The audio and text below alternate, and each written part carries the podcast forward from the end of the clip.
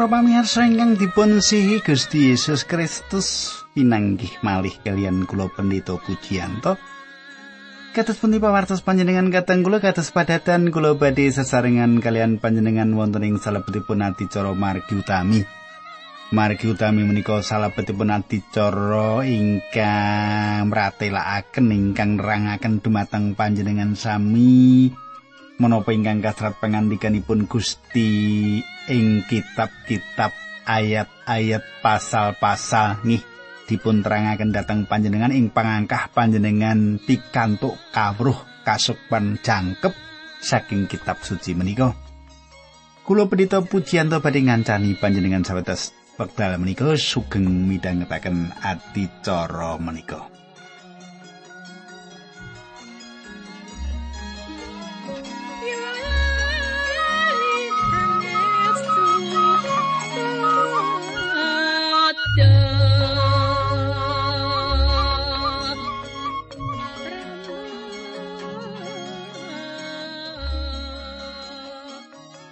Para pamirsa wonten ing pepanggihan kepengker, kita sampun nyimak kados pundi Daud meratelaken kekidunganipun sasampunipun Allah nguwalaken piyambakipun saking mengsah. Nah, kadang kula badhe kita lajengaken nanging saderengipun menika kula badhe ngaturaken salam rumiyin sederek-sederek ingkang sampun nyerati kawula inggih menika Ibu Purwaningsih. Kawonganten. Kados pundi Ibu Purwaningsih saya-saita Gusti berkahi panjenengan lan kula suwun panjenengan ing wanci menika sesarengan kalian kula sadaya.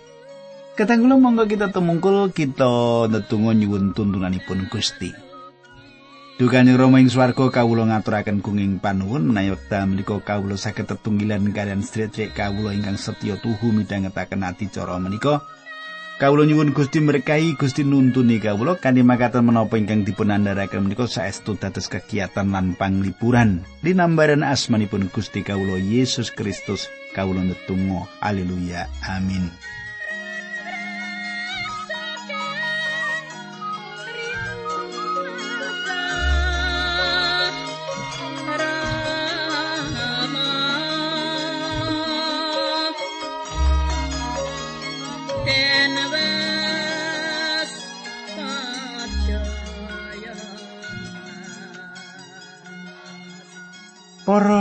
Para pamirsa samenika pasinon kita sampun lumebet ing kalih Samuel 13 nggih kalih Samuel 13 ayat setunggal makaten surasipun Daud anake Isai dipilih dadi raja sarta didadekake misuwur dening Allah Yakub Ya sing ngarang kidung Mazmur kanggo Israel ya iki tembung-tembungi Daud kang pungkasan.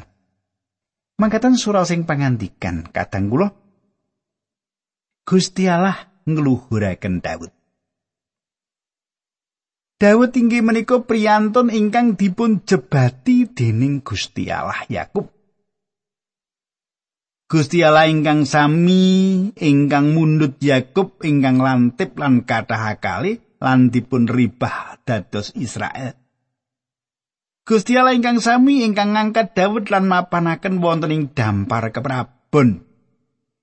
Panjenenganipun menika Gusti Allah ingkang ngawilujengaken panjenengan lan kula. Daud tiyang ingkang remen musik, musik ingkang sae, musik ingkang ngangkat manah.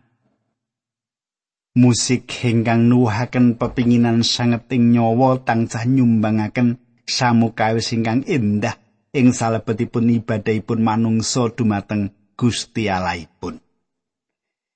Makaten musik menika nggih panjenengan nek mirengaken musik-musik wonten gereja ingkang saya aduh nyawane kaya didudut menyang kasuwargan rasane enak ngeten nggih. Nah kula lajengaken ayat kali.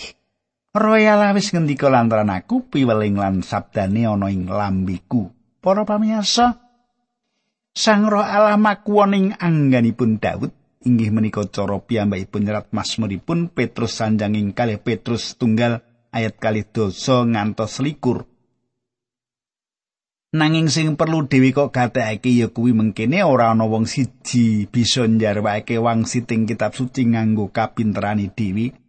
Awit ora ana pamedar wangsitin nabi sing asale saka karping manungsa, nanging merga saka pamberke Sang Roh Suci wong-wong kuwi banjur padha medar wangsit atas asmane Gusti Allah. Selajengipun kita lajengaken ing ayat 3 kalih Samuel 3 likur. Makatan surasipun. Allah Yakub wis medal sabda tetaming Israel paring pangandika raja kang kanthi adil merintah kawulane kanthi pembangun turut marang Allah pangrehe. Para pamirsa kita mbetahaken tiang-tiang kang badhe gadah panguwaos kanthi raos wedi asih dumateng Gusti Allah. Kita mbetahaken tiang-tiang ingkang gadah panguwaos kanthi raos wedi asih dumateng Gusti Allah. Saderengipun kita gadah tiang ingkang kados makaten menika kita badhe terus manggihaken tiang ingkang tansah korupsi. Nek durung nemokake wong sing wedi asih, ayo tetep korupsi ora tau leren-leren. Ora ana sing diweteni gitu. Saya menika ayat sekawan.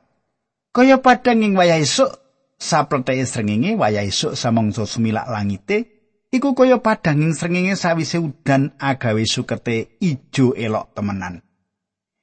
Para pamirsa tembung-tembung menika salah satunggal pratela ingkang ngidap-idapi ingkang nate dipun damel Daud.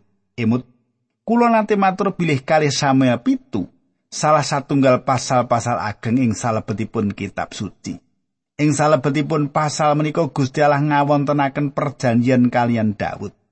Gusti Allah paring janji bilih Sang Mesih badhe rawuh lumantar garis turunipun Daud.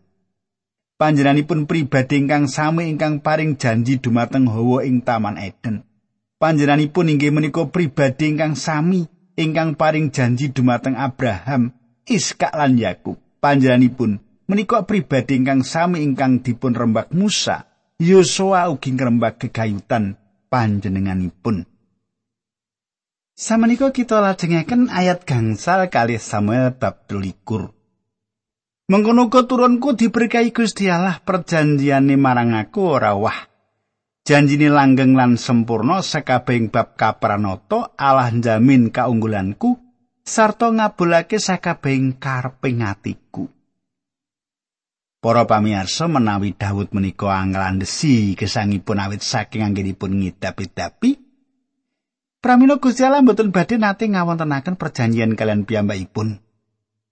Gusti Allah ugi mboten badhe ngawilujengaken panjenengan lan kula menawi menapa ingkang dipun tindakaken Daud menika namung alandesan amal pendamelan kemawon. Nek Daud anggone dislametake iki alandesan amale nang gitu. Ah, pramila kula lan panjenengan ora iso dislametake. Nanging katang kula panjenenganipun Gusti Allah sampun ngawontenaken satunggalipun perjanjian kalian Daud. Gusti Allah sampun ngawontenaken satunggalipun perjanjian kalian kita ugi. Ora mung Daud sing diparingi janji, nanging kita ing jaman samenika ugi diparingi janji dening Gusti Allah. Janjinipun kados pundi katang kula? Yohanes 3 ayat 16. Panjenengan monggo panjenengan waos. Nggih. Dibuka kitabe. Cepet. Nah, ngaten nggih. Ayat 16. Awit saka gedhening sih katresnani Gusti Allah marang jagat nganti panjenengane ngurbanake putrane untang-anting supaya saben wong sing pracaya marang Sang Putra mau ora nemu karusaan nanging ngalamono urip langgeng. Para pamirsa kula sumende dumateng janji menika. Kula sumende dumateng janji menika. Gusti Allah sampun damel perjanjian menika. Kula mboten nate nyuwun dumateng panjenenganipun supados damel perjanjian ingkang kados makaten menika. Panjenenganipun mboten nindakaken babagan menika awet kawontenan kita. Perjanjian Gusti Allah kalian kula inggih menika kawilujengan kula. Salajengipun dumateng kita dipun paringaken satunggal daftar gegayutan para pahlawanipun Daud. Dewi panjenengan semak ayat 8 nggih. Pahlawanipun Daud utawa perwiranipun Daud nggih.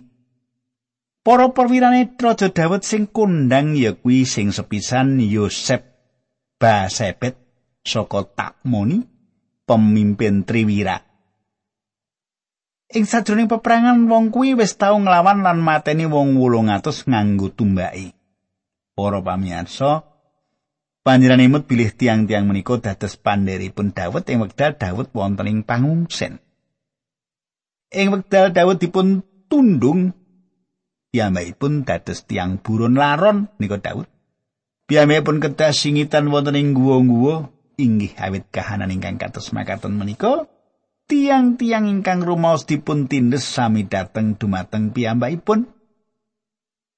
Tiang-tiang kala wau dipun tindes lan dipun aniaya dening Saul pramila mlajeng dumateng Daud. Ingkang sanes dados pandheripun awit ngraosaken rerantanipun manah. Ingkang sanes dados pandheripun awit ngraosaken rerantaning manah. kanthi cara ingkang sami tiang sami sowan dumateng Sang Kristus tiang-tiang kelawa ingkah ingkang kapenet menapa panjenengan ngrasaken cuwa wonten ing lampah gesang panjenengan menawi panjenengan nglampahi satunggalipun gesang ingkang wetah lan nindakaken perkawis ingkang sae lan panjenengan ngersakaken dipun wilujengaken lan gadah patunggilan kalian Gusti Allah panjenengan kula aturi sowan dumateng Sang Kristus panjenenganipun badhe nyucikaken raos lepat panjenengan lan badhe maringi kalegan ing salebetipun gesang panjenengan. Tiang-tiang ingkang dados tiangipun Daud kalebet tiang-tiang ingkang unggul lan gadah kapinteran ligi. Monggo kita nyemak sawetawis sinten to tiang-tiang menika. Kula lajengaken kali Samuel 13 ayat 11 ngantos 13. Wong nomor telu sing misuwur ya kuwi sama anake Age saka Harari wis tau nalika wong Filistin padha kumpul ing Lehi ana ing tegalan sing kebak kacang abang prajurit Israel padha keplayu. Nanging sama tetep perang, mateni sarta ngalahake wong Filistin nganti bisa ngrebut tegalan mau. Srana mengkono Allah maringi kamenangan gedhe. Para pamirsa, mertahanaken siti ingkang kebak tanaman kacang abrit sanget ugi ketingalipun boten patos penting. mertahnaken siti ingkang kebak taneman kacang abrit saged ugi ketinggalipun boten patos penting. Nanging kanggenipun tiang Israel tetedan menika saestu dipun betahaken. Sampun dados pakulinanipun tiang Filistin nenggani hasil pategilan tiang Israel ingkang sampun siap dipun panen. Selajengipun tiang-tiang menika datengi lan ngerampok lan jarah taneman menika kados padatanipun taun menika saben tiang sami mlajeng. Ing wekdal tiang-tiang Filistin menika dumugi kajawi satunggal tiang inggih menika sama. Samenika kita lajengaken bab 33 ayat 13 ngantos kang 11. Makatan surasipun ing kliya dina ngarepake mangsa panen para perwira tetelu mau sing ya wargane perwira 30 mudhun menyang gua Adulam. Desmono Dawud ana ing sadroning gua kuno wong Filistin padha masang kemah ing tanah ngare Refaim sarta prajurite padha masang kemah ing Bethlehem. Raja Dawud kangen karo kampunge lan ngendika ibu senengku yen diwenehi ngombe banyu sumur sing cedhak karo gapura ing Bethlehem. Kadang kula Dawud dipun agengaken wonten ing Bethlehem lan piyambakipun kemutan toya seger saking sumur ingkang wonten ing mriku. Samenika Daud sanget kangen toya sumur Bethlehem. Piyambakipun boten nyukani perintah dumateng sinten kemawon supados kisah lan mendhet toya menika nanging tiga perwiranipun nembus garis pertahanan tiang Filistin supados saged angsal toya menika. Inggih patrap ingkang kados makaten menika ingkang adamel tiang-tiang menika sinebat perwira utawi pahlawan. Kula salajengipun mikiraken kegayutan priyantun-priyantun ingkang nglaraken Injil ing jaman kapengker kedah nembus garis pertahanan mengsah lan martosaken Injil dumateng tiang-tiang ingkang betahaken. Tiang-tiang menika kalebet para pahlawan tedhak turunipun Daud ingkang langkung ageng inggih menika Gusti Yesus Kristus. Salajengipun satunggal pahlawanipun Daud malih. Panjenengan semak ayat kali dosa ngantos 13 makaten suraosipun. Perwira kondang liyane ya kuwi Benaya anake Yoyada wong Kapsiel, wong kuwi kendel banget mateni perwira loro saka Moab. Wis tau nalika ana salju, benaya mlebu ing sajroning guwa banjur mateni singa sing ana kuno. Uga tau mateni wong Mesir sing gedhe dhuwur nganggo tumbak, benaya dhewe nggone nglawan mung nganggo teken. Tumbak sing ana ing tangane wong Mesir mau direbut banjur dinggo mateni. Mengkono perkara sing ditindakake dening benaya wargane telung puluh mau. Ing antarané para prajurit benaya pancen klebu unju nanging durung bisa madani perwira telu mau. Benaya diangkat dadi panggedeni barisan pengawali Raja Daud. Kadang lo panjenengan gatosaken tiang menika mejahi singo.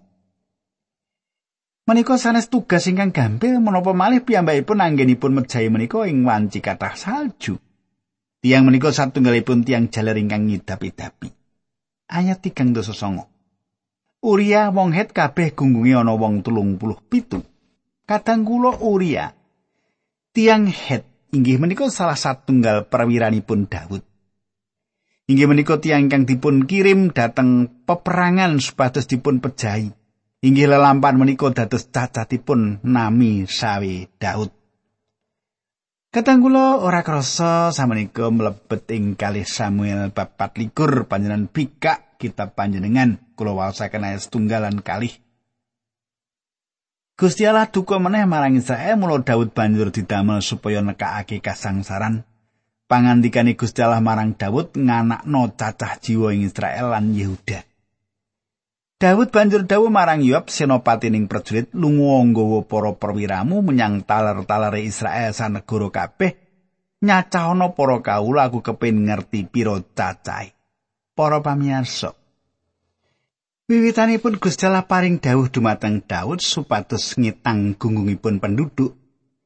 Gusti Allah ngersakaken prakawis menika dipun tindakaken supados ngagengaken manah lan ngiyataken. Gusti Allah ngersakaken Daud mangertos bilih piyambakipun gadah prajurit ingkang ageng ingkang nyengkuyung piyambakipun. Iman menika mboten lumpat saking pepeteng. Gusti Allah mboten nate dawuh dumateng panjenengan sepados pitados dumateng satunggalipun perkawis ingkang boten leres. Iman menika suminding satunggal gunung parang, satunggalipun landesan ingkang gumathok. Gusti Yesus Kristus inggih menika landesanipun iman menika boten namung mlumpat dhateng ruang ingkang boten wonten menapa-menapanipun. Nanging iman menika ing satunggalipun wekdal ing lampah gesang panjenengan. Panjenengan kanthi iman mangertos bilih panjenengan boten saged gesang alandesan pambudidaya panjenengan. Emanipun gereja jaman samenika dereng sinau kanthi saestu kumandel dumateng Gusti Allah. Akibatipun ing salebetipun pepanggian-pepanggian pesamuan kami pangan secara kasukman mboten nate dipun sebataken.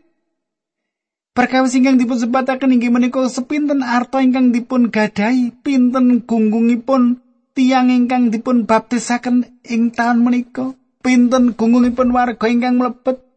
Menawi angka-angka ketinggalipun sae kita nganggep pilih sedaya menika kalebet kamimpangan kasukman ingkang ageng.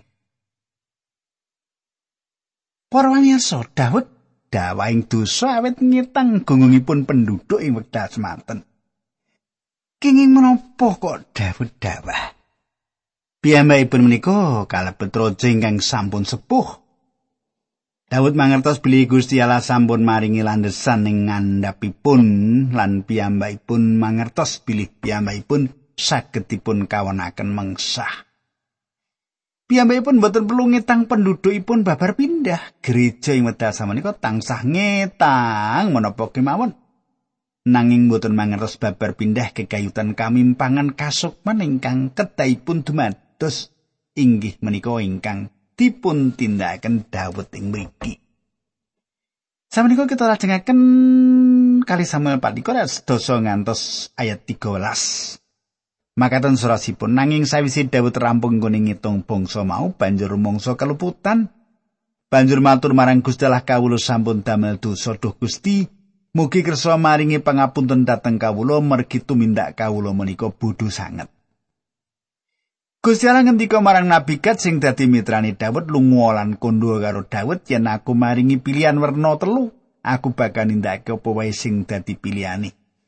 Esuke sawise Daud pungusare gat sebolan martake dawuh Gusti Allah marang Daud unjuke pundi ingkang panjenengan pilih paceklek ing negari menika tigang taun tangunipun menapa milih dipun oyak-oyak dening mengsah tigang wulan tangunipun utawi ngalami pageblok ing negari menika tigang dinten tangunipun panjenengan temtokaken samenika menapa ingkang kedah kula aturaken dhateng Gusti Allah para pamirsa Gusti Allah maringi pilihan hukuman dumateng Daud. Jawaban Daud dumateng Gusti tapi Menapa ingkang dipun tindakaken Daud menika meratelaken bilih piyambakipun menika tiyang ingkang mangertos kados pundi kumandel dumateng Gusti Allah. Ayat 18. Raja ngendika, "Aku bingung banget. Nanging aku ora gelem kena paukumane manungsa, kita kabeh karepen kena hukumane Allah wae, sebab katresnane gedhe banget." Kadang kula Gusti Allah maringaken pilihan wonten tigang jenis paukuman ingkang kedah dipun pilih dening Daud. Panjenenganipun paring Daud dumateng Daud sepatus milih setunggaling antawisipun tiga paukuman menika. Nanging Daud mboten milih setunggal kemawon koso wangsulipun piyambakipun matur dumateng Gusti pilih piyambakipun mboten kepengin dawahing tanganipun menungso. Inggih menika satunggal perkawis ingkang tansah kula dongaaken ing salebetipun peladosan kula kadang. Daud langkung rila dawai ngastanipun Gusti Allah awit piyambakipun mangertos kados pundi kumandel dumateng Gusti Allah. Gusti mutusaken ngintunaken penyakit dumateng Israel. Daud mangertos piyambakipun badhe sae-sae kemawon ing ngastanipun Gusti Allah. Inggih menika ingkang kedahipun kita rasaken ing wekdal Gusti Allah paring paukuman dumateng kita. Para pamirsa, Gusti Allah nggula wentah kanthi patrap disiplin. Saking pengalaman Kulo saged matur bilih wonten alusing budi ing salebetipun disiplin Gusti Allah.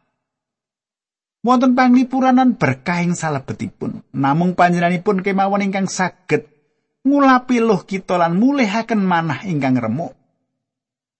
Namung panjenenganipun ingkang saged nyarasaken tatu ing salebetipun manah. Dokter saged njait tatu panjenengan wekdal panjenengan nglampahi satunggalipun kacilakan nanging menawi panjenengan ketaman tatu malah ingkang ageng namung Gusti Yesus ingkang saged mulihaken lan adamel panjenengan wangsul wetah kita mbetahaken pangantinipun ning salebetipun gesang kita ketang kula menapa panjenengan samenika nembe tatu. Manah panjenengan. Sowan dumateng Gusti Yesus. Nggih. Sak menika kula lajengaken ayat 18 ing dina kuwi uga gat nyowani raja Daud sarta matur. Mugi panjenengan kersa tindak ing panuton gandum gadhanipun Aruna so ngetekaken mesbeh kagem Gusti Allah. Kadang kula panjenengan katosaken Arauna inggih menika tiang Yebus sanes tiang Israel. Ayat 19 ngantos likur. Daud nuruti tembung ikat lan mangkat kaya sing didhawuhake dening Allah. Kebenaran Arauna lagi ngingok mangisol lan weruh yen raja sarta para pandhere rawuh harana sujud. Sarta matur panjenengan kagungan kersa menapa paring wangsulane Daud arep nuku panuton gandum iki lan ngedekake mesbeh kagem Gusti Allah supaya pagebluk iki sirep. Kadang kula Daud nyukani keterangan kenging menapa piyambakipun ngersakaken papan panggilingan menika. Ayat kali likur ngantos patikur aturi arauna. Panjenengan pundut kemawon menapa ingkang panjenengan galih sae. Menika lembu-lembu kagem kurban hubungan minangka kajeng obongipun panjenengan saged ngagem rakitaning lembu saha blabaking panuton. Kabeh mau diaturake dening Arauna marang raja karo matur mugi Allah panjenengan kersa nampi kurban panjenengan. Nanging raja ngendika, aku moh misusungake kurban marang Allahku tanpa nganggo bayar apa-apa. Kabeh duwekmu iki kudu tak tuku. Dawet nggone mundut papan panuton gandum lan sapi-sapi mau kanthi rego duit sloka 51. para pamirsa ingkang dipun tindakaken Daud inggih menika satunggal perkawis ingkang agung Menapa kita sabak nyoba kangge ngaturaken satunggal perkawis dumateng Gusti Allah tanpa purun bayar menapa-menapa? Mugi-mugi Gusti Allah paring pangapunten dumateng kita ingkang gadah sifat dumateng panjenenganipun. Mugi-mugi kita kados Daud dados tiang ingkang dipun tresnani Gusti Allah. Amin. Monggo kita tumungkul kadang kula. Duh Gusti Allah. Kawula ngaturaken gunging panuwun ingkang tanpa upami, kawula nyuwun Gusti berkahi kawula lan Gusti nuntuni kawula supados kawula menika mboten lepat anggen kawula nindakaken. Dawuh pangandikan paduka linambaran asmanipun Gusti Yesus Kristus kawula ndedonga haleluya amin